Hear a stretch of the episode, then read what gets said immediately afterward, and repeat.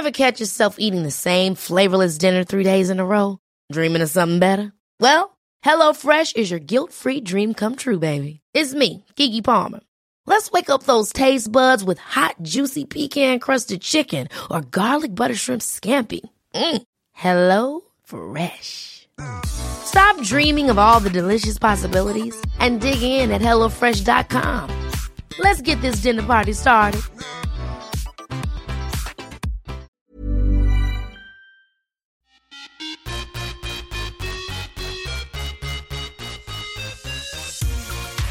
Välkomna till ett nytt avsnitt av Viss och Svärm on the run. Ni kanske inte känner igen mig på rösten men det är Sara som pratar. Jag är väldigt hes idag men jag mår faktiskt ganska bra. Ja, men du låter så hes. Åh oh, men gud. Men det är så här, jag, jag, var ju för, jag var ju förkyld förra veckan. Ja. Och jag har så här, det sätter sig så snabbt på mina stämband och så här att jag har varit täppt och så så jag känner mig ganska pigg och så. Men jag låter ju fruktansvärt. Ja, du låter jättesjuk. Ja, men, och jag är lite nojig över det. För att det, det, det är faktiskt så här att jag har ju faktiskt en gång eh, opererat mina stämband. Jaha. Ja, och det, så jag, märk, jag känner alltid så här, jag blir alltid lite nojig när man ska prata och vara hes för att jag gjorde det så mycket. Det var faktiskt, ja, det här var när jag pluggade på Bosön för ja, ganska många år sedan nu. Men då hade jag liksom ett projekt eh, där jag jobbade med löpteknik i en handbollsklubb. Så jag skulle vara med och utveckla deras löpteknik för ett handbollslag. Eh, och då var det kanske under en period på åtta veckor där jag skulle vara där jag tror det var en eller två gånger i veckan och hålla i det här. Och du vet när man står inne i en sån här stor sporthall utan mikrofon, det är mycket ljud och när man ska prata till en grupp då, det försvinner liksom i, i det eh, i lokalen. Och så vart jag lite förkyld under den här tiden, men inte så förkyld så att man ligger hemma sjuk. Så att man tänker, men jag får gå dit och ha det. Och då vart det liksom alltid värre dagarna efter och sen hann det bli lite bättre men så skulle jag dit och ha det igen. Och så vill man liksom inte ställa in när det är ett projekt som ska göras under ett visst antal veckor. Mm, det. Så det där slutade ju med att, att min röst kom aldrig tillbaka. Alltså jag var hes i fyra år. Nej, men sluta. Ja. Fyra år? I fyra år lät jag ungefär så här så som jag låter nu. Nej, men Eh. alltså, var det därför du fick operera då alltså? Ja, för då hade jag till och med så gått till logoped och försökt hitta och prata på ett annat sätt och sådär. Men de såg ju att jag hade för mycket, som, det hade kommit så här mycket knotor på stämbanden som de kunde se. Och då måste man som lasra bort dem. Så det blir ändå en nedsövd operation. Eh, så det gjorde jag för, vad kan det vara, un- ungefär sex, sex år sedan. Och då kom den stora har du- utmaningen, man måste vara tyst.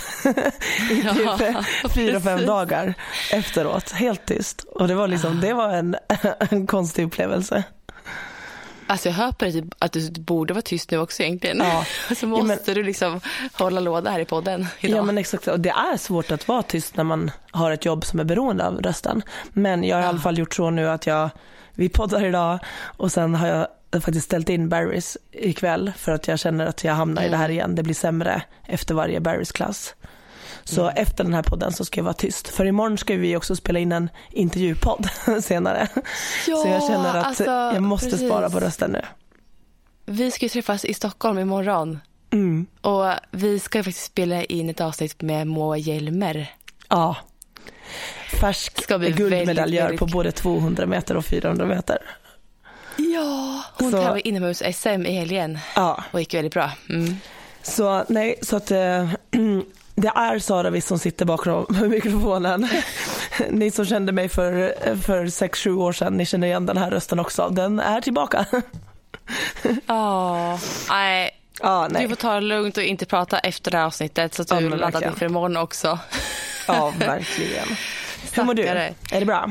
Ja, det är bra faktiskt med mig. Du springer lite. Jag, eh, jag springer lite. Jag är så glad för det, Sara. Gud vad härligt. Fan vad skönt. Nej, så skönt. Ja, jag har sprungit kanske ungefär fem pass nu på under 10-12 dagar kanske. Och jag har ju inte sprungit någonting i- princip innan det här eh, sen många månader tillbaka. Så jag är ju så lättad, lite chockad eh, men så himla glad över att jag är igång. Men jag tar det lugnt. Jag kör väldigt korta pass och eh, känner verkligen efter. Och in i foten hur det Ja, känns. det gäller att vara klok nu. Men så skönt. Ja, det är jag. Jag ska vara det. Mm, absolut. Jag lovar. Ja. Men på tal om SM. Ja. Eh, Friidrotts-SM inomhus som var i helgen. Du har ju mer koll på eh, resultaten där. Moa Hjelmer nämnde vi där som vann 200 och 400 Ja. meter. Men vad hände mer? Alltså, det var så spännande. Det var så här, i, eh, 60 meter var först eh, på lördag förmiddag där.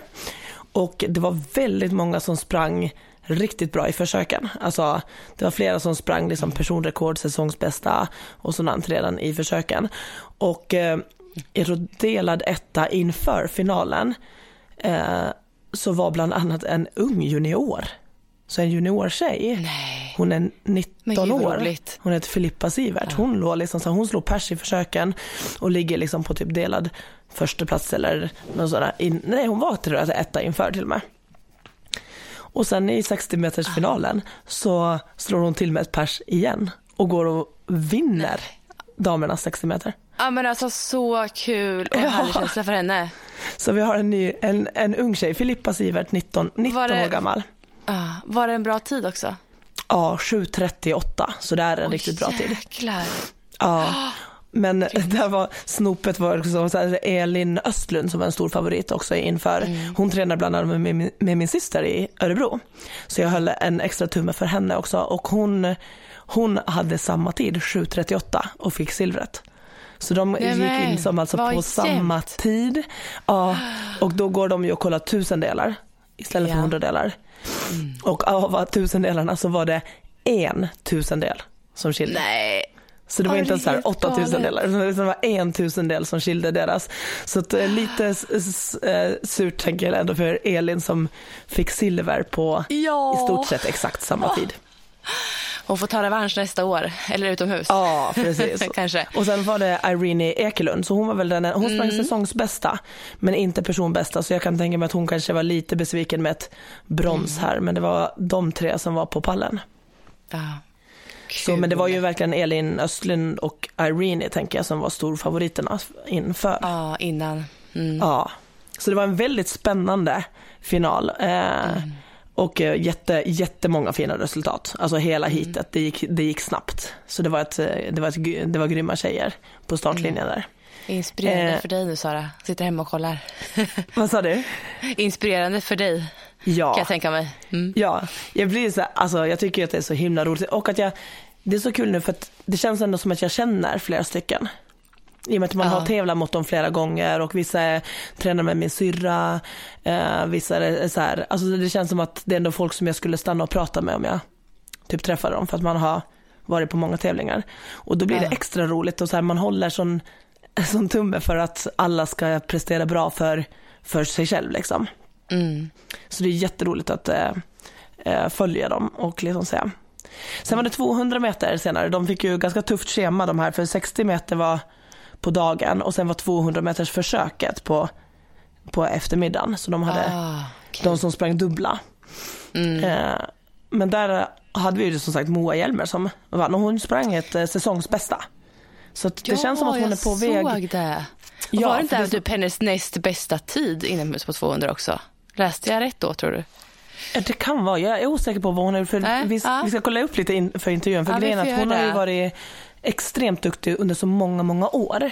Ja. Och sen har ju Moa fått två barn på vägen. Och det är det här vi vill också Precis. prata lite mer med henne för att hon har ju skaffat barn mitt, mitt eller ja, i karriären. Inte som de flesta Ja. tänker att man gör det efteråt kanske.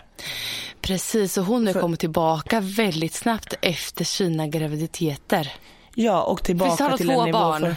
Två barn har hon. Ja. Eh, och, liksom, och jag, nu ska inte jag säga för mycket, men jag- antar att det har liksom varit en plan med att skaffa barn lite tidigare för att fortsätta karriären efteråt. Till skillnad Mm. från vad många, hur många andra idrottstjejer Mm. tänker. ja, det blir kul att höra henne om det. Eh, och Ja. fråga henne om det imorgon. Så att när hon nu liksom inte kommer på sina personbästa och sånt, det är ju för att hon var extremt duktig för många år sedan. Hon var ju med i, hon har ju EM-medalj eh, från innan graviditeter och så. Så att det är så himla kul att se att även om hon bara har ett säsongsbästa så går hon tydligt snabbare och snabbare och i, i eh, rätt riktning nu igen. Ja. Men hon har ju liksom varit på sån himla hög nivå så att hon tar sig tillbaka. Men, och hon körde ju dubbla guld både på 200 meter och 400 meter. Ja, precis. Ja, Så grymt. och där var hon före på 200 meter så tvåa var Lisa Lilja och sen så kom Elin Östlund, hon som fick silvret på 60 meter. Hon körde dubbla så hon var på 200 meter också så hon fick i alla fall med Ja. sig en medalj där också. Ja. Sen var det faktiskt en till som jag vill så bara eh, lyfta för jag tycker är så himla inspirerande tjej och det är vinnaren av 800 meter. Hon heter Rebecka Högberg och är Ah. född 84 och du vet alla som är äldre än dig och mig så brukar det vara lite äldre för att vara med på SM. ja, precis. Så hon är ju egentligen, hon tävlade det här, förra året tävlade hon första året som veteran. Ja, hon fyller 36 i år, eller är 36. Ja, i år fyller hon 36. Så att hon Ja. var med första året som veteran eh, förra året. Jätte, jätteduktig och hon är ju en gammal landslagstjej för typ, vad är det, tio år sedan tillbaka. Som nu är hennes barn, hon har två barn som också börjar bli lite äldre nu. Vilket har gett henne mer tid till att kunna träna och tagit upp friidrotten på elitnivå. Men hon, du vet, hon är ändå så här tvåbarnsmamma, hon jobbar som sjuksköterska tror jag. Hon jobbar liksom skift och hon jobbar mycket nätter och så här. Så det är väldigt kul att följa henne. Och nu så går ju hon tillbaka och vinner 800 meter i damklassen. Ja, det är Så det var också så här, eh, jättehäftigt att se och hon är en stor Ja. inspirationskälla för mig. ja. Eh, Så jag tycker det är jätteroligt. Hon är också från Örebro så hon känner också lite min syster och det gänget där. Mm. Så det var häftigt. Och sen tänkte jag att jag kan dra vinnarna av de andra distanserna också för eh, det är bara två, två sträckor till. Inomhus så springer man ju inte så jättelångt. Nej. Och det är för att det är en 200 meters bana inne. Mm. Vilket är alltså hälften så stor som utomhus. Och det gör att kurvorna blir också väldigt snäva. Och de lutar. Väldigt stor skillnad att springa Ja, inomhus. det blir väldigt mycket runt, runt, runt Ja. eh, på den. Men eh, på 1500 meter i alla fall så vann Hanna Hermansson på 4, 17, 22. Bara för om man vill veta lite hur snabbt det går här i eliten. Ah, ah. Och 3000 meter vanns av, jag vet inte, man säger Samravit tror jag. Eh, 9.46. Så det är också, det går snabbt där. Mm. Så det var väl var lite någon, tjejernas, Ja, eh, precis. tjejernas sida, som de jag, det var de jag följde mest. Ja, men det blir så såklart. Ja. Jag kollade på, eh, på också såklart lite herrarnas, men det var lite mer då i bakgrunden medan jag gjorde annat. Ja, ja. Nej, men jättekul att höra om friidrotts-SM som var i helgen. Väldigt många fina prestationer. Eh, Ja, och jag, verkligen. jag har ju också, jag har en friidrottsbakgrund jag också. Jag körde friidrott i tio års tid, så det var liksom hela min ungdom var ju friidrott. Så jag tycker också att det är väldigt, väldigt kul att kolla på, på tävlingar. Sen så såg jag att, eh, det har du sett också tror jag, att Mustafa Mohamed satte ett nytt, nytt svenskt rekord på maratondistansen i Sevilla maraton på tiden 2.10.03 Ja, alltså. på en och, mara. Och det är också coolt för han börjar väl också vara, vad är han, han är över 40 va? Nej, jag tror att han är 40 faktiskt. Och han sätter alltså nyss svenskt rekord på maraton. Eh, så imponerande. Och alltså 2.10, det är väldigt många motionärer som springer halvmaraton på runt två timmar där. Och han går alltså och springer 2.10 på en mara. Förstå hur snabbt det är då. Ja, Eh, och han är ju så, jag har träffat honom ganska många, eller några gånger och han är verkligen så himla snäll, ödmjuk person. Så jag, alltså man undrar ju verkligen honom det här så, så mycket. och han är också Jättekul sån som har varit med väldigt länge i Ja, eliten, alltså på så sätt ändå. ja. ja, det har han. Och håller i. Nej, det är häftigt är det. Så många inspirerande prestationer har varit i helgen som har varit, tycker jag. Mm. Eh, Vasaloppet har jag också, eller inte Vasaloppet det stora för det är helgen som kommer. Ja, Men du det. har ju haft klienter som har kört är det Tjejvasan Ja, och någon, Tjejvasan- någon som Jag nu ihop lite halva. dagarna därför, men det Ja. var Tjejvasan var på helgen. Och Ja. idag, tisdag är det, idag, ehm, går halvvasan, alltså Vasaloppet 45. Mm. Och där har jag en kund som är ute i spåren just nu medan vi så pratar. spännande. Så jag har en liten live-uppdatering här på, på henne också. och sen, men, och jag hade ju en som körde eh, Tjejvasan. Mm, Det hade regnat. Alltså det var verkligen regnigt. Och hon körde förra året också. Och hon sa trots att det var mycket som ehm, tuffare förhållanden nu för att det var liksom just med, med regnet och så. Men att hon ändå kände sig starkare ändå. Hon hade lite sämre tid det här året. Men så, det är jättesvårt att jämföra tider i skidåkning överlag. Och framförallt på, på de här i och med att vädret och snön och temperatur, det spelar så stor roll. Så hon sa att hon upplevde loppet starkare och bättre. Och det som är smart just när man springer, eller gör sån här typ av lopp, eller jag tänker jämförelse med om man springer typ så här hinderbanelopp eller tjurhuset, du vet så här där banan verkligen kan vara olika från gång till gång. Ja. Så hon hade som mål att placera sig bättre. Så att hon satte inte så mycket värdering på tiden. För att hon vet att det brukar ändå vara ganska likt med de som åker, liksom hur, hur bra man står sig i resultatet. Ja. Så hon var, var lite över, jag tror att hon runt 215-220 förra året. Och hade då som mål att komma under det. Och hon åkte in på en, någonting runt 170. Så att det var, gick riktigt, riktigt bra. Så placeringsmässigt Ja. klättrade hon ju eh, precis så som hon ville. Så att nu, hon messade redan direkt och hon bara, nästa år ska jag vara topp 150. Men det är ett Åh, bra tips tänker jag av ta med. Att just ja. att om det är sådana svåra där man inte riktigt kan jämföra från år till år och Mm. underlag och, och saker runt omkring så är ju det där faktiskt ett väldigt smart sätt att sätta placeringsmässigt. Absolut. För det brukar ändå Verkligen. säga ganska bra ett hum om hur man ligger till. Liksom. Jag har nämnt det här förut i podden. Eh, jag kommer cykla Tjejvättern. Och nu är allting liksom spikat och satt där. Så att eh, det som kommer ske det är att vi kommer välja ut åtta stycken tjejer som ska cykla tillsammans med mig i Team Svärm. Och eh, man behöver söka in till det här då, så man söker direkt till mig eh, via min Instagram om man är med i det här teamet.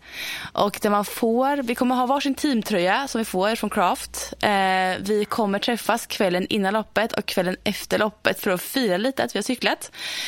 Och så kommer de här tjejerna få rabattkod på 30 eh, för att cykla loppet. Så är någon som lyssnar på oss och som vill cykla med mig i mitt team så får ni skriva eh, till mig helt enkelt. Och om ni gjort det innan så skriv gärna igen för att de har hamnat ganska långt ner i min meddelandeinkorg där på Instagram. Så skriv igen om ni är med i det här teamet. Det kommer skitkul. Gud vad roligt. Och när Ja. är loppet? Det är den 6 juni. 6 juni. Det är loppet. Ja, Åh gud, det stämmer. Mm. det låter det jätteroligt. jätte- Ta chansen, Ja. ta chansen att haka på. Gör det. Och ni bör, det behöver inte vara så här, vi ska inte, vi ska inte prestera, vi ska cykla för att ha kul och uppleva. Så äh, är det så att du vill verkligen prestera på loppet så ska du kanske cykla själv. Så, men vill du uppleva och ha kul så kör med oss. Så kan vi säga. Ja, det är ju ditt första, det är till och med ditt första cykellopp ju. Ja, ja gud Det är inte ditt bara ja. första Vättern utan det är ju faktiskt första gången du tävlar i cykel. Så Ja, att, eh, då vågar ju fler också haka på och vara nybörjare, tänker jag. Ja, men jag tror det och det är det vi hoppas på liksom. Eh, så in och skriv till mig om ni vill vara med. Det kommer bli grymt. ja. Men Sara, idag så ska vi ju återigen prata om träningsupplägg. Förra veckan så pratade vi om upplägg inför halva maraton och maraton. Och idag ska vi komma in på lite kortare distanser, 5 kilometer och 10 kilometer. Har du sprungit många sådana distanser? Nej men några stycken har jag gjort. Eh, och både liksom upplevt och försökt att maxat bägge, Mm. bägge distanserna. Eh, ja, jag gillar dem. Eh, Ja, Jag tycker att det är jag jätteroligt för det här är så här lättillgängligt tycker jag att dels är det bra som ett första så här kom igång mål om man ska komma igång med sin träning. Men också Mm. liksom så här, även om man vill prestera så tycker jag tycker ju om att träningen kan vara ganska tidseffektiv och man får känna att man tar i och man är klar ganska snabbt. Och det här är så en typ, Mm. speciellt om man springer femman, då är det ju sådana träningspass som man kan vara klar på en timme i stort sett. Ja, absolut. Eh, så då, jag tycker att 5 och 10 är väldigt roligt på att det är tidseffektivt. Det, det kan vara ganska tungt på ett annat sätt, man får ta i Ja. mycket. Mm. Eh, och, ja. Men den är ju också fruktansvärd att maxa på tycker jag. Jag tycker nästan värre Ja. att maxa på Jag vet. 5 och 10 än att maxa på halvmara. Ja. Äh, jag, jag har också sprungit väldigt mycket 5 km, 10 kilometer. Faktiskt, alltså det var bara några år sedan som jag började öka på mina distanser till halvmaraton och maraton egentligen. I alla fall maraton. Annars har jag sprungit väldigt många 5 km lopp till exempel som yngre eh, och även 10. Och det är som du säger, det är så alltså ska du pressa dig maximalt på femman, då är det jobbigt. Det är mycket jobbigare än att springa en halvmara, tycker jag. Ja, för man känner ju då redan från start att nu går det snabbt. Ja, ja verkligen. Att det Och blir, det, vi har ju ganska många lopp här som kommer också eh, när det gäller 5 och 10 kilometer. Jag kollar upp lite vad som fanns på gång här. Det är premiärmilen 28 mars eh, som ganska många springer för att stämma av lite hur träningen har gått. Grundträningen tror jag många stämmer av där. Och så är det Vårhuset. Eh, de kör ju 27 april börjar de i Malmö och så går de uppåt i Sverige och avslutar sin serie kan man säga av lopp den 4 juni i Östersund. Så den håller på ganska många veckor där och går genom hela Sverige kan man säga. Eh, blodomloppet börjar också den, den 12 maj i Malmö och avslutas i Visby 3 september. Och så har vi Tjejmilen i augusti, 29 augusti. Eh, det är bara några av de loppen som eh, kommer här i, i Sverige eh, framöver när det gäller de distanserna. Och jag tror ganska många så som är lite sådär nya i, på femman och milen väljer att springa de här Vårhuset och Brodonloppet, tror jag. Och Tjejmilen också kanske. Det är lite mixat där. Mm. Men eh, för Vårhuset och Blodomloppet är ganska snälla lopp så kan man säga. Alltså, det handlar mycket om en härlig stämning och inte lika mycket om prestation där eh, kan jag uppleva. Bland de flesta som springer de loppen i alla fall. Ja, och nu för tiden finns det ju ofta också sådana att man kan vara med i en klass som är utan tidtagning. Ja, lite fun run brukar de kallas. Ja, men även på Vårhuset så kan du anmäla dig Ja. utan Ja. tidtagning. Och, och då startar du oftast längst bak och så har du inget chip liksom. Eh, och det tycker jag också är rätt bra för att om man, bara, om man bara vill uppleva eller bara ha som mål att ta sig runt och alltså, Ja. inte vill att någon annan ska kunna kolla upp ens tid heller eller något sånt av någon anledning. Så då kan man ju faktiskt Precis. anmäla sig till en sån klass och då finns det, in, Ja. det finns ingen tid på ändå om inte man själv då har tagit den på klockan eller så. Ja, exakt. Det är ju superbra tycker jag. Mm, tycker jag också. Det bjuder in till fler att vara med på lopp tycker jag. Ja, det gör det. Verkligen. Och vi har ju tänkt lite så, du och jag sa det här. Vi har delat upp eh, kan man säga det här i två olika kategorier. När vi ska prata lite om hur man tränar för femman och 10, 10 kilometer. Vi har gjort en kategori som är mer för den relativt nya löparen. En löpare som kanske har sprungit lite grann men inte alls mycket eh, och som kanske vill springa sin första mil, aldrig gjort det förut. Hur ska en sån person träna? Eh, sen har vi också en kategori som är mer för den som är mer van löpare som kanske har sprungit femman på tävling förut, kanske till och med tio också på tävling förut och som vill liksom prestera lite mera. Eh, bara för att ja, skilja lite på de här olika typer av eh, löpare. Om vi börjar med den, med den här relativt nya löparen som ska springa sin första mil, som kanske också ska springa sin första femma, kan det också vara. Ja. Tänk, hur tänker du här Sara? Hur, hur kan man lägga upp sin träning och hur, hur många i veckan behöver man springa för att liksom klara femman och milen? Eh, Och inte ha mycket mera mål än så så att säga. Ja, men jag tycker här, precis som eh, jag hoppas att alla lyssnar på förra avsnittet för där pratar vi lite grunderna kring Ja. träningsprogram för lopp. Och jag brukar ändå liksom här igen utgå från tre pass i veckan. Men sen då har jag en nybörjare, då behöver jag kolla liksom, okej hur pass nybörjare är den här? Är den liksom ändå att den har tränat andra saker tidigare och är van med att träna tre gånger i veckan? Eller är det här någonting, nej men nu ska jag ta tag i min hälsa och komma igång och jag har i stort sett knappt rört på mig. Så Ja, det är olika också där. Ja, för det finns ju, det finns ju de som liksom mest bara har ett stillasittande jobb och tänker så här, nu måste jag komma igång med träningen. Eh, så med en sån person, jag hade fortfarande haft de här tre gånger i veckan, men det kanske till början hade varit en rask promenad. Men att det ska ändå schemaläggas som träning. För att man, för det är ju, börjar man gå tre gånger i veckan så är det en ökning med ganska mycket. Om man inte har gjort det innan. Så att hela tiden var, tänka liksom så här, var är jag idag? Jag kan inte bara hoppa in på samma program som någon annan, även om den också är nybörjare. För den kanske bara är nybörjare på löpning, men har tränat regelbundet tre gånger i veckan ändå.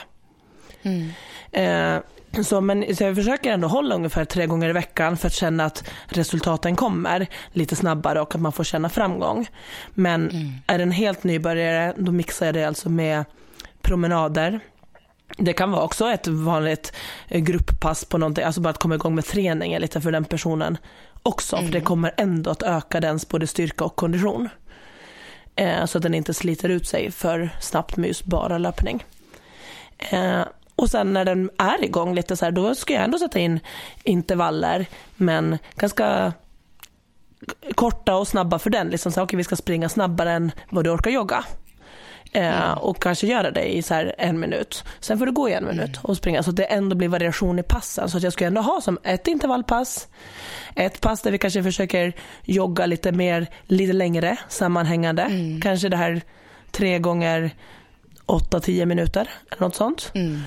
Och sen ett pass som är kanske lite längre distans men att där varvar vi också mer med att gå och mer bara det här att vara ute en längre tid. Så det är egentligen samma grundtänk men man får anpassa det till att det bara är lite mer än vad den är van med i dagsläget. Hur tänker du?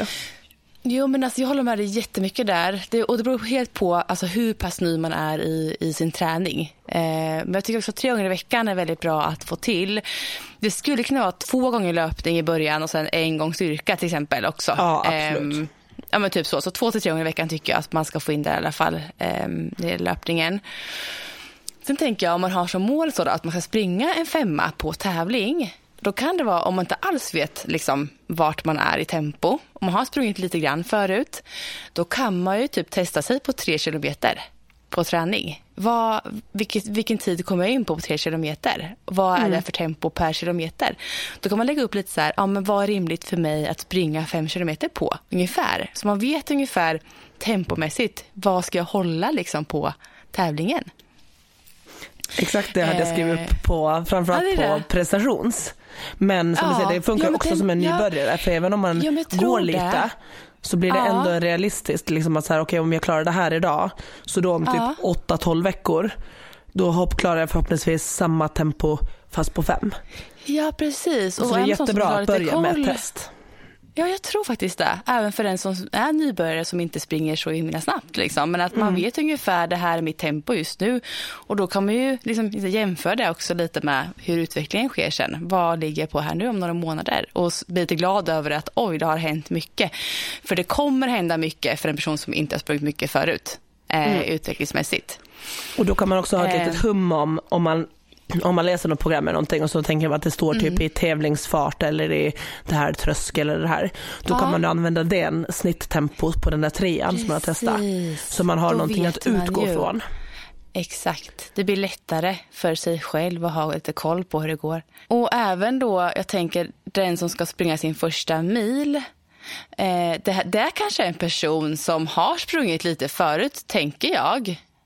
Så då tänker jag... förut. Jag tror den har sprungit femma, antingen på tävling eller så, eller på träning i alla fall. Eh, och där kan den personen skulle kunna göra ett testlopp på fem kilometer då. Också för att få lite koll på, okej, hur ligger jag till just nu? Vad är mitt tempo på fem kilometer? Vad är då rimligt för mig att satsa på nu när jag ska springa mitt första milslopp? Ja, så man har lite koll helt enkelt. Och sen även kan följa sin utveckling. Vi har skrivit så Eh, lika Josefin. Här står Ja, är också. så På 10 roligt. kilometers spalten står det Så test kul. 5 kilometer. Ja, för det har jag skrivit med på, på, på prestations där också som du ska Ja. prata om nu med testloppen. Eh, sen sa, som du sa Sara, alltså intervaller är ju jättebra sätt, alltså jag säger framför allt alltså för en person som är ny i träningen, att springa korta sekvenser i sin träning. Eh, för man kanske inte orkar springa så långt i sträck. Så intervallträning är jättebra att få in redan som nybörjare i sin träning. Eh, och där tänker jag att, som du sa, om man är jätteny så kan man gå, springa, gå, springa.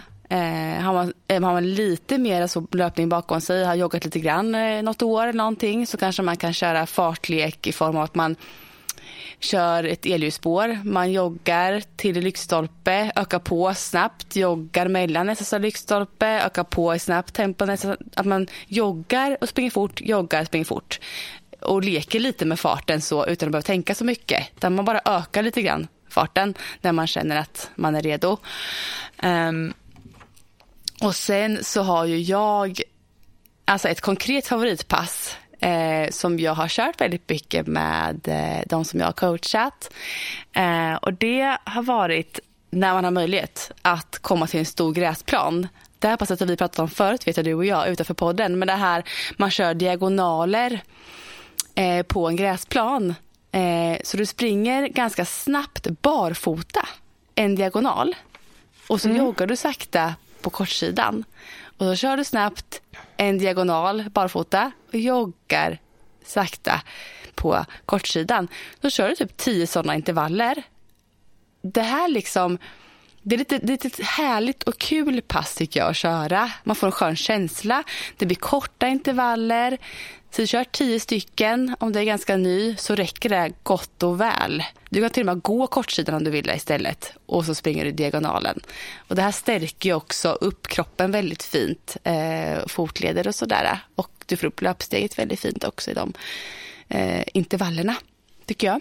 Mm. Eh, sen finns det ju så himla många olika typer av intervaller. Alltså, du kan ju leka med, är du på en friidrottsbana så är det ju ganska enkelt. Eh, då kan du ju leka lite med tanken, du kan köra 200 meter, en lite snabbare kontrollerad fart. Du joggar 200 meter, du kör 200 igen lite snabbare, joggar 200. Sen kör fem stycken sådana intervaller. Behöver du gå åt de här 200 istället emellan, då gör du det. Kör snabbt 200, går 200. Alltså, lite så känna efter hur kroppen svarar, vart du, vad du liksom orkar med. Mm. Eh, och de här kan man öka på på sikt också. Kör 400, joggar 200, kör 400, joggar 200. Och det kan ju bli, man får tappa upp det här långsamt. Liksom. Om man är helt ny så får man börja med lite kortare sträckor och så ökar man på sig ett helt varv liksom, inom några veckor. Intervaller går att leka med. Som du sa med enminutsintervaller är också jättebra att börja med. 10 minuter. Ja. Det är så här, ja, det är ett enkelt upplägg. Du, jog, du springer snabbt en minut. Sen vilar du. Antingen går du eller joggar sakta. Och då kör du snabbt en minut till och vilar. En minut till och vilar. Alltså intervallformer finns väldigt många att hitta på, tänker jag. Men just ja. intervaller och distans att få in i sin träning inför femman och milen är de som är nyckelpassen helt enkelt, tycker jag. Ja men precis, för här blir det kanske mer fokus på både som nybörjare och som en som ska prestera. Att det blir ja. till skillnad från maraton och det här så blir det här liksom kanske ändå liksom att få upp de här eh, intervallerna för att få ett bra löpsteg och få upp lite fart. Mm. För även om du inte ska springa mm. snabbt så kommer du ändå ha nytta av att kunna trycka ifrån lite i steget. Ändå. Ja, absolut, absolut. Och just så här lite styrketräning också för att känna känna sig stark i det. det behöver, jag vill ju att alla ska styrketräna. vill jag ju. Ja. Men eh, så att man tänker, när man, ska, att man inte tänker jag ska bara springa fem eller tio, jag behöver ingen styrketräning. Utan jag skulle säga nästan, Nej, du kommer få en bättre upplevelse om du känner dig stark i steget och så här, lite ja, backintervaller som du säger ofta också. Ja. Mm. Eh, så man varvar ja, det har jag skrivit upp som en. Mm. Ja, och sen som nybörjare mm. så just vill jag bara påminna om att just de här friidrottsbanorna är ju öppna för allmänheten, nästan allihopa. Det är, väl, alltså, mm. det är ganska få som är um, stängda. Och i så fall är de ofta stängda under någon viss tid på dygnet eller så. Så att det mm. är jag upplever att många nybörjare när jag tar med dem på en sån bana så tycker de att, de är, att det är väldigt roligt att få springa ja, på en riktig friidrottsbana. Och då kan ja. man ju också liksom ta sig dit med en lätt jogg om, man har möjlighet, om det finns en så pass nära. Och sen mm. köra intervaller där och sen ta sig hem för då blir det också väldigt tydligt att nu fokuserar jag på intervallerna och mm. så gör jag dem bra. Och sen kan jag gå eller jogga liksom tillbaka eller så. Mm. Precis. Och även som du sa det här med backe, alltså för en nybörjare som, eller relativt ny person, så är det så här, jogga till en backe som du vet finns nära dig. Spring kontrollerad fart upp för backen och så går du ner. Och så kör, kör du typ 5-10 sådana löpningar. Mm. Gå, spring upp, gå ner. Det är ganska också enkelt pass och där blir man så himla löpstark av. Det är supereffektivt pass att köra i backe. Och effektivt, för jag tänker så här, eh, alltså tidseffektivt. Jag har en PT-kund som har du vet, som två små barn hemma och ja. vill komma igång med löpningen och vill liksom så här komma igång men att det är ju ganska alltså tidskrävande ändå att, om man ska ut och springa så men då har hon en backe väldigt nära hemma. Och att den är så pass nära, du vet på kvällen då bara kunna säga att det tar fem, alltså fem, sex minuter att jogga dit. Mm. Och så kan man köra tio minuter backe. För tio minuter backe, alltså springa upp, gå ner, springa upp, alltså mm det kommer att ge jättemycket och sen jogga hem. Så man Aj, är liksom helt klar inom, ja. inom 20-30 minuter. Så kan det vara liksom ändå, och, då, ja. ja. och det där kommer att hjälpa henne till att sen kommer, alltså när hon har mer tid att springa så kommer det där hjälpa att hon har gjort de här varje vecka. Jättemycket. Alltså jag har en backe nära mig också så här som jag kör, som när barnen är små här nu så jag har kört mycket och joggat dit på kvällen och kört tio stycken upp och ner. Det går så himla fort, men jäklar vad löpstark man blir av det. Mm. Det är jätteeffektiv träning. Så det är verkligen någonting som man kan ta med sig. Och då kan man ju, man som sagt inte har sprungit så mycket, man kan gå ner varje gång så får man ganska lång vila mellan varje backlöpning. Ja. Det är helt okej. Jag har eh, alltid gått ner, men det är för att jag har sprintat upp ja. typ. Ja men exakt, det beror, men det beror på, på vad man gör. Alltså, ja absolut. trycka på, och det är också skonsamt om man vill testa lite mer mot sprint eller verkligen det explosiva. Ja. Då är det också rätt bra att göra det alltså, som i backe, för där springer mm. du 90 procent i backe så blir det ändå en ganska maxansträngning. Eh, mm. Men det är oftast skonsammare också för kroppen än att dra eh, en sprint på platt när du kommer upp i sån hög hastighet. Gud ja, och du ligger med en väldigt bra fin position i uppförsbacke. Eh, ja. Teknikmässigt så är det faktiskt främjar en bra teknik gör det mm. också. Sen tänker jag distanspass, alltså längden på distanspassen inför femman tänker jag, alltså i, på, i träning, 3 till 6 kilometer tänker jag. Alltså, du inte, ska du springa femman och ha som mål så behöver du inte springa längre än 6 kilometer på träning. Nej, inte som nybörjare i alla fall. Nej, precis. Nej. Nej, exakt. Du pratar ju om de som är ganska nya. Ja, precis, och är det inför milen, ja, inför milen så tänker jag att man tränar 5 till 12 kilometer på sina distansrunder inför ett milslopp. Ja. Om man är relativt ny så. Ja, men om vi hoppar tillbaka till femman. Och nu då som ja. sagt så här, nu är det sen, jag tänker att den här personen som är här, den, den springer redan 5 och 10 eh, ganska, eh, obegr- alltså, ganska lätt idag. Ja, eh, precis. Så den har liksom inte problem med att orka distansen utan att, att springa, jogga en 10 kilometer en onsdag kväll, det, det funkar liksom. Mm. Eh, men nu då att trycka ner eh, tiden lite mer. Så dels lite med att ha tid på sig, minst åtta veckor, gärna upp mot tolv. Eh, även om du är löpvan för att få hinna få kroppen att, att verkligen ta till sig de här träningarna och resultaten. Eh, men börja då som vi sa med ett test på tre kilometer för att få ett litet hum om vad är möjligheten att kunna hålla på fem längre fram. För det kommer att ge en ganska bra indikation. Sen har jag eh, tänkt liksom så här, ja, distanspassen här då, alltså, eller de här långdistanspassen som vi pratade om i, i, i förra avsnittet. Att här kanske mm. man bygger dem alltså upp mot 40-50 minuter, kanske upp mot tim, timmen någon gång när de är som mm. längst. Men ska du maxa på femma så behöver du inte springa så mycket längre än det tycker jag. På Nej, det, det om. heller. Mm, så mm. ungefär 50 minuter kanske som när, när du har byggt upp dem, liksom så här innan du sen nästan börjar vända ner tillbaka beroende på när loppet kommer då. Ja.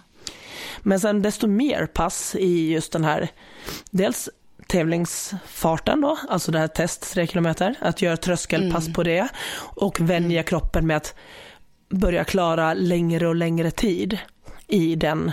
Så första passen kanske är liksom fem gånger en min alltså fem minuter. Vänta, fem gånger fem minuter eller fyra gånger fyra, de här som jag pratade om. Ja, eh, med en minut vila mellan och upprepa dem några, några gånger. Och sen mm. när det börjar vara så, men då kanske man springer sex, sju minuter i sträck. Mm. i Mm. samma tempo, går en minut eller joggar lätt en minut och så gör man det, kanske då färre block men att den totala tiden som man ligger i tempot ökar under passen. Mm. Så att man börjar bygga sig upp mot att man kan börja ligga under den här, de här veckorna, att man börjar kunna ligga 30 minuter i det här tempot. Det kan vara två gånger 15 eller du vet så här. Så man, man, man var där och jobba på tävlingsfarten mycket mer kanske. Mm. Och sen blir då de korta intervallerna, de här eh, kortpassen. Ska man prestera på fem så behöver man vara ganska snabb för man vill inte ligga Mm. Så nära sin max tänker jag. Alltså det, får inte vara för liten spann mellan tävlingsfarten och ens maxfart. Nej, precis. Så därför ska jag sätta in ganska mycket, typ så här 30 sekunder och backe och liksom där vi verkligen får trycka på och eh, få ett snabbt löpsteg. Så jag skulle köra ganska mycket korta snabba intervaller, Mm. tävlingsfart och sen lite mindre av de här långdistans. Mm. Hur tänker du? Nej, men jag håller ju helt, alltså helt med dig där. Jag tänker så här som en första grund i alltså hur mycket bör man träna. Jag har funderat lite på det. Är väl, jag ska tre till fem gånger i veckan eh, löpning. Ja, samma här. Eh, Ungefär där, ja. Så man kommer upp lite mer distans eh, egentligen för att bygga ännu mer löpstyrka och mer vana och liksom så här, eh, kanske få in lite mer intervaller och så vidare. Eh, och nyckelpassen här blir ju du pratade lite om tröskel, kom du in på där. Det är alltid bra att få in tröskel det är lite tävlingsfart i alla fall på jag skulle säga inför 10 kilometer så är ju tröskelintervallerna kanske viktigare än, än inför 5 kilometer till exempel. Så 5 kilometer tycker jag verkligen fokus ska vara, största fokus ska på V2 maxintervaller eh, mest och även distansen där. Eh, och V2 max finns det ju olika, som du sa nu, det här korta enminutersintervaller är ju jättebra eh, för V2 maxen. Även eh, snabba backlöpningar är ju supereffektivt även här. Eh, vill du prestera snabbare på femman och även på milen eh, så är backlöpning hur grymt som helst för löpstyrkan. Ehm, och sen så, vad tänkte jag mer där? Jo, du var inne på den här 4 gånger 4 minuter här nu, nu ju nu på lite mer tröskel. Eh, för det finns ju, man kan köra 4 gånger 4 minuter tröskel, men du kan också köra 4 gånger 4 minuter eh, V2 max. Och kör du tröskel så kör du som du var inne på en minuts vila, för det är kortare vila då. Mm. Eh, och du springer mer i tröskelfart, eller tävlingsfart kan man säga här nu kanske på milen egentligen. Eh, och på femman. Eh, men om du kör V2 max här, då har du längre vila. Och Då då kan du tre trycka minuter, på va? lite extra mycket. Ja, precis. Tre minuters vila. Eh, och då kan du trycka på liksom ännu mera på dina fyra minuters intervaller där. Våga lägga på så liksom, du kommer ju komma upp eh, och du kommer ha mjölksyra här på de här, på de här passen. Ja. på de som är eh, V2 max-intervaller. Så här tycker jag också man kan mixa lite mellan ja, V2 max-intervaller och tröskelintervaller. Eh, de två, det är ju alltid bra att få in både V2 max och tröskel i sin träning egentligen inför de flesta distanser. Men här skulle jag säga att just för femman så är V2 max viktigare och för tian där är båda två lite så eh, viktiga skulle jag säga nästan. Ehm, Precis, det är oftast eh, vilan som avgör lite hur snabbt de kommer att gå. Så ser man på att det står Ja. på ett program fyra gånger fyra Mm. minuter så måste man också kolla, men okej vad är vilan? Är det en minut Ja. jogg? Då kommer det inte vara de här max för du kommer inte att kunna Nej. återhämta dig på en minut joggvila. Men är det tre minuter vila då vet du så okej men här är det meningen att jag ska trycka på i stort sett komma så långt jag kan på varenda intervall. Mm. Mm, exakt. Nej, så femman eh, fokuserar på intervaller ganska snabba. Eh, och distans kan du komma upp kanske som du sa i, upp mot timmen kanske för femman. Eh, för tian där så tänker jag att också snabba intervaller är väldigt, väldigt bra att få in. Eh, lite tröskel också såklart. Och även eh, distans upp mot kanske 14 kilometer. Alltså, det är alltid bra att ligga på lite längre längd för att bli ännu mer liksom, ja, uthållig egentligen. Inför Ja, jag tian skrev- framför allt. Jag skriver långpass upp till 80-90 minuter med lugnare tempo Ja. då. Ja, Så precis. det kanske till och med räcker med med. 80 minuter Eh, för att då, det här kanske är löpare som, som springer milen ganska snabbt ändå. Ja, det. Eh, men att det här kan ju ändå bara vara lugnt och det kan nästan vara som ett återhämtningspass, alltså, eh, pass, att man tar det väldigt Mm. lugnt på det. Men att man ändå får upp lite mera och får in lite mera eh, det här pulszon 2.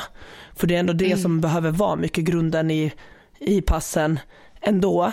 Eh, Mm. Även om man springer det här fem kilometer så man tänker inte så mycket ofta på men man får in det ganska automatiskt i form av uppvärmning, nedjogg på även på de andra passen. Ja, exakt. Även på intervallpassen så, Så, och det här är då inte distansen utan det är den totala träningstiden. Behöver ligga Ja. ganska mycket i den här pulszon 2 vilket det ofta gör när man har Ja. uppvärmning, nedjogg och distanspass. Men så jag ska ändå Ja. ha kvar lite lugnare, längre pass också för att bara få springa på liksom i. Ja, men absolut. Sen tänker jag, gillar det här jag pratade om förra veckan med progressiv distans. Eh, det blir väldigt också bra och effektivt i de här fallen. Ska du springa 10 kilometer eh, och vi satsar på det och bli bättre, eh, få in progressiv distans och då avslutar du egentligen i ungefär den farten som du liksom kommer tävla 10 kilometer i. Vilket blir väldigt bra. Då tränar du på att hålla den farten eh, och få in den, den, eh, det rörelsemönstret i kroppen. Så det tycker jag alltid, alltid är bra. Och sen har jag också skrivit upp backig terräng. Och det här är ju det här är ganska jobbigt om man är ny. Det förstår jag inte upp det för förra delen där. För när man är lite nyare löpare så är ju alltså backar jättejobbigt. Och där tycker jag det kan räcka med så här, man joggar till en backe, kör intervaller. Men är du mer en van löpare, ganska stark och vill förbättra dig, då tycker jag att du ska springa mycket backig terräng. Eh, alltså ungefär upp mot milen kanske eh, på de passen. Då det ska vara ganska så jobbigt alltså. Det är ett grisigt pass som känns Ja. ordentligt i benen. Tryck på extra i backarna eh, och håll normalt tempo res- alltså resten av sträckan så kommer det här passet vara jätteeffektivt. Ja för det är verkligen som du säger att, springa i terräng och hålla normalt tempo. Det blir ju eh, för kroppen blir ju det som en intervall för att det kommer gå upp och ner Ja. men du ska försöka hålla samma snitttempo hela tiden så det kommer ju automatiskt göra att du behöver ta i väldigt mycket ibland, få lite återhämtning Ja. ibland och sådär. Så att det är faktiskt superbra och eh, enkelt sätt att få till variationen i löpningen Ja, om man tänker att jag ändå ska försöka hålla samma snitttempo trots terrängen. Ja, exakt. Sen har jag, om det är så, det finns väldigt många fem kilometers lopp att springa. Och om du har tian som egentligen huvudmål, se till att springa många fem kilometers lopp inför din, ditt huvudmål. För att springa lopp på fem kilometer ger ju jättemycket inför milen. Så det är också bra grej för att utvecklas. Mm. Ja, ska du vara snabb på milen så behöver du vara snabb på fem också egentligen. Ja, gud ja. Det är jättebra liksom, snabbdistanspass att köra fem kilometers lopp eh, inför sin, sin, sin mils satsning så att säga. Ja. Superbra. Och här också sett till att få in styrka och spänst har jag skrivit också. Alltså, och det kan ju vara Ja. om, om du inte kör ett helt gympass men åtminstone liksom köra liksom, som vi har pratat om mycket olika hopp, enbenshopp, mångsteg och sånt här också så vi får in ändå en styrketräning och spänst i, för det kommer också gynna dig väldigt mycket på att vara snabb så behöver du vara stark och spänstig. Ja, och det kan man också få in då om man hittar någon backe nära där man bor. Och köra mångstegshopp i backe, köra enbenshopp i backe, lite borsovhopp, eh, lite sådana saker i, just i, i, ute i terrängen. Om du inte så- alltså, du har ett gym som du går till och som du tycker om att köra lite hopp i där liksom och har häckar kanske eller eh, såna här boxar att hoppa på eller vad det nu är. Men, men som du säger, alltså spänsthopp, alla former är ju alltid jättebra. Och det här är ju, nu är vi inne på de som vill satsa mera. För att det är klart att det är bra att köra spänsthopp också om man är alltså, ganska ny löpare. Men det är fortfarande, samtidigt så är det ganska mycket skaderisker också om man inte är van Absolut. med just spänsthopp. Och då, jag tycker att man bör vara lite van för att börja köra det. Eh, I alla fall, alltså mångsteg kan väl nästan vem som helst kanske testa att köra lite i backe och sådär. Men just enbenshoppen är ganska tuffa och tunga att köra om man inte har sprungit så mycket tidigare. Där kan man bygga på ju mer van man blir. Men jättebra verkligen för att bygga spänst och styrka för löpare. Ja, då kan man, om känner man inte är van med att hoppa och sådär, då kan man också bara göra, alltså enbenshopp på stället, som att du skulle hoppa hopprep. Alltså börja, Ja. börja med lite Mm. sån. Och kanske bara hoppa 5-10 i rad på ena benet, sen på andra och gör det några, alternera liksom. Ja. Bara för typ att vänja det här med att faktiskt få lite överbelastning, som lite att det är en tyngre belastning än att springa. Ja, och lite så här air squats också. Kör lite, Mm. Det är ju båda benen samtidigt i och för sig, men ändå liksom att sådana grejer, sådana övningar är jättebra om man inte är van. Nej, men annars har inte jag med så mycket mer här faktiskt. Eh, mina tankar, där är det något mer som du vill komma in med där? Nej men det är nog just att, för att sammanfatta det just att så här, korta intervaller, det ska gå snabbt. Här ska det gå snabbare än tävlingsfart för att bli, för att verkligen få upp hastigheten. Och sen just de här tröskel och de här, börja bygga, tänka att du ska klara tävlingsfarten och klara det. För varje pass så kommer du att den totala intervalltiden byggas på lite grann. Du kan leka med Precis. intervallerna på olika sätt. Jag gillar ju som här pyramider och stegar och sånt också. Att du bygger ihop Ja, just det. Eh, så att du får till exempel säga när, när du har kommit igång ett tag och börjar Mm. ha, ha, ha tränat några veckor, att då känna att okej men nu ska jag prova att hålla 10 minuter tävlingsfart och sen Mm. får du vila lite och sen ska du göra 8 minuter och sen ska du göra 6 minuter. Alltså så, här, så att du kanske, de kanske blir Mm. kortare och kortare för det kan vara skönt mentalt. Men att då börjar du ändå komma upp i att du är 20-30 minuter kanske sen och, i den här tävlingsfarten så att du verkligen får känna på hur det är. Och de här be- behöver ju bli längre och längre med kortare vila mellan blocken för att kunna Mm. sen på slutet känna ja, men nu är utmaningen att springa då fem eller tio hela sträckan i den, den Mm. farten. Ja, det gäller att vänja kroppen med den fart man ska springa och även köra lite överfart som sagt med snabba intervaller eh, just inför femman och milen. Ja, Absolut. så där tror jag vi är klara med den 5 och 10, eller hur? Mm. Mm. Så, för då tänkte jag bara sen, eh, det som, för vi pratar, när vi pratar om vårt här träningsupplägg, då är det här, det här kallas ju så här traditionell periodisering. Där man har de här korta intervallerna, man har längre intervaller, distanspass och långdistanspass. Mm. Och det är ju det vad de flesta kör och kollar man på program så är det eh, det är det, ja, men det är det traditionella helt enkelt, att man gör så. Ja. Men jag tänkte ändå bara nämna så här, det här har varit våra diskussioner här vid middagsbordet de senaste dagarna. Och det är ju att det finns också ett som kallas blockperiodisering. Ja. Eh, som framför allt har visat så här bra resultat på, på folk som är eh, redan duktiga. Eh, Okej. Men som kanske Ja. liksom har stannat av lite, du vet att man har eh, stagnerat lite i sin utveckling. ja, det är nog väldigt vanligt tror jag. Ja, Många som exakt. är där. Så det här kanske inte är någonting för nybörjare eller så, så men det man eh, har sett att svarar väldigt bra på många där, det är att, att istället för att göra så här ett pass av varje i veckan, så som vi har pratat, som, Ja. ja, så gör man liksom ett block av att så här, nu utvecklar jag min, eh, mitt så här högintensiva, alltså kortintervall, VO2 max. Mm. Och så kör man det, alltså de kör ju det här alltså två till sex veckor alltså så de kan ha verkligen en fokus på en grej. Och då Det var kan ju, intressant. Ja, och då kan det ligga liksom Ja. så här beroende på hur mycket den tränar då vanligtvis. Men säg att det är som en, säg att det här skulle vara för en motionär som, eller som nu som tränar fem gånger i veckan. Då är kanske åtminstone tre, fyra pass i veckan är högintensiva. Och så låter man göra det och som Ah, nybörjare okej. kanske man inte skulle göra så lång period utan det kanske skulle räcka med en, en och en halv vecka Ja. på det. Men att för att verkligen så här känna att kroppen verkligen får utmanas och ta till sig av det. Att den svarar liksom. Ja, och sen efter det tar de liksom. Mm. antingen långpass, alltså en någon vecka med det, eller tröskel. Mm. Så det blir väldigt så här, tydligt att eh, vad som är i fokus under de här veckorna. Gud vad intressant ändå. Det här skulle man ju veta om det är någon så här elitlöpare som gör just nu eller har så här De, Är det, är det forskning som visat att det här är effektivt eller är det löpare som gör det här som ger fina resultat? Liksom? det är framförallt är det forskning och de har gjort det på mycket på cyklister. Eh, men okej. det, det är en cyklist som har varit alltså på elit elitnivå. Eh, Som har gjort det här testet och ökat alltså mig jättemycket. Ja men gud, det här måste jag prova. När jag kommer Så igång det är igen. liksom så här, Oj, det är, intressant.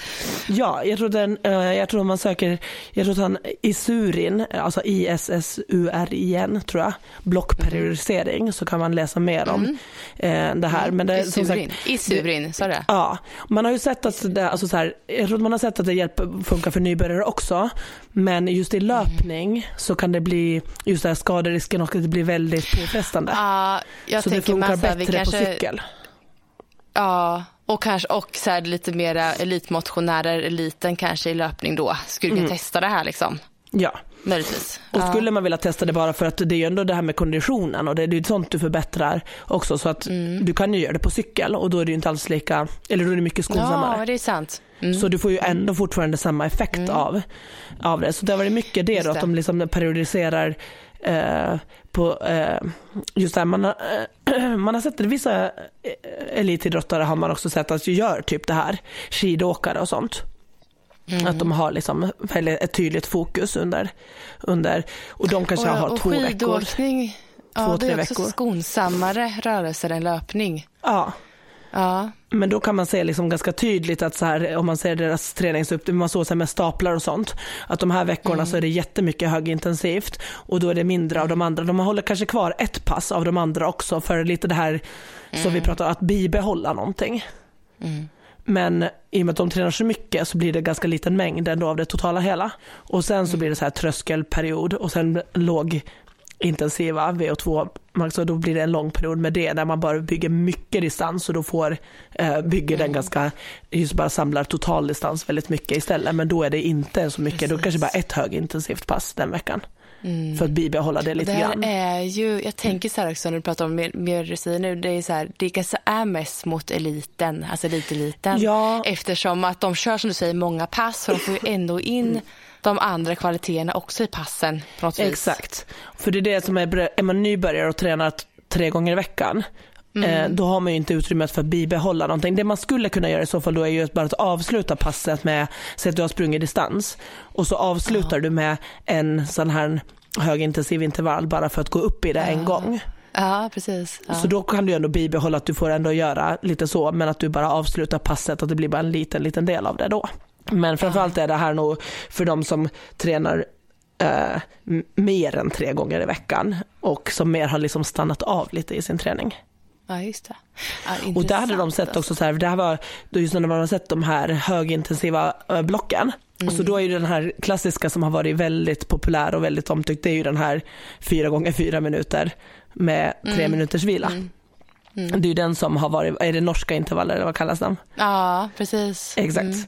Så, och där är det liksom de forskarna som har tagit fram den har nu precis kommit med en ny eh, forskning, ny studie som har hittat eh, att det, typ, det visar ännu bättre resultat på att bryta ner de här fyra gånger fyra minuter i ännu kortare.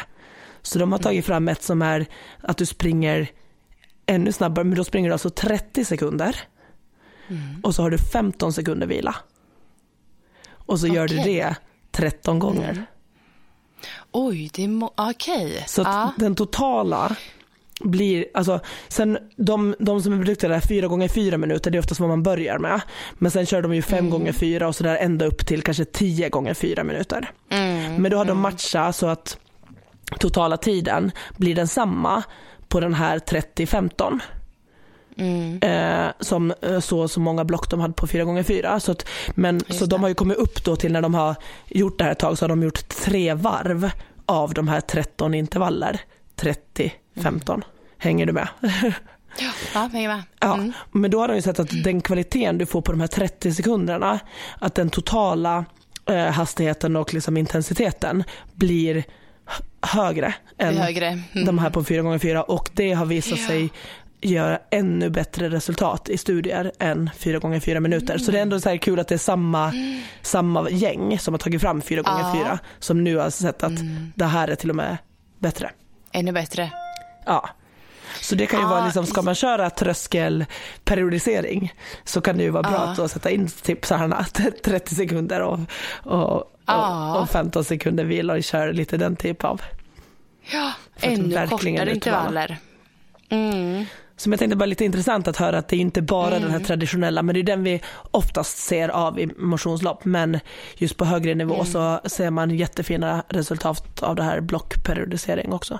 Jätteintressant. Det här får vi följa alltså, och se hur, vart det tar vägen. Alltså, tänk om det är många som tar sig an det här sättet att träna. Eh, på kort sikt kanske. Ja. Efter de här studierna har kommit, tänker jag. Så kan det bli. Det känns som att vi fått med det mesta här också, tänker jag. Som eh, vi ville få ut och förmedla till våra yes. lyssnare i alla fall. Ja. Och eh, det är väldigt många av dem som säkert kommer springa lite 5 och 10 kilometer här nu på ganska kort sikt ändå tror jag tävlingsmässigt. Börjar i mars, april och maj. Där är ja. det ganska mycket. Eh, många som kommer springa lopp. Det ska bli kul att följa. Jag hoppas att ni taggar ja. och ser era inlägg om ni har sprungit något ja, lopp eller någonting. Precis, gör det. Vad kommer du göra idag Sara, efter det här? Jag ska vara tyst. ja, ja, var tyst. Vila upp rösten tills imorgon. Vi syns imorgon. Ja, Vad roligt. för vi har ju nu två intervjuer som vi ska spela, eh, spela in framöver. Så förhoppningsvis om ingenting ah. strular till sig så kommer de två nästa avsnitt vara spännande intervjuer och, eller gäster. Precis. Ja, precis. Efter det här släpps så kommer nästa vara intervju och den efter. Ja, det stämmer. Yes. Ha det så bra nu då. Ha det så bra allihopa. Hej då.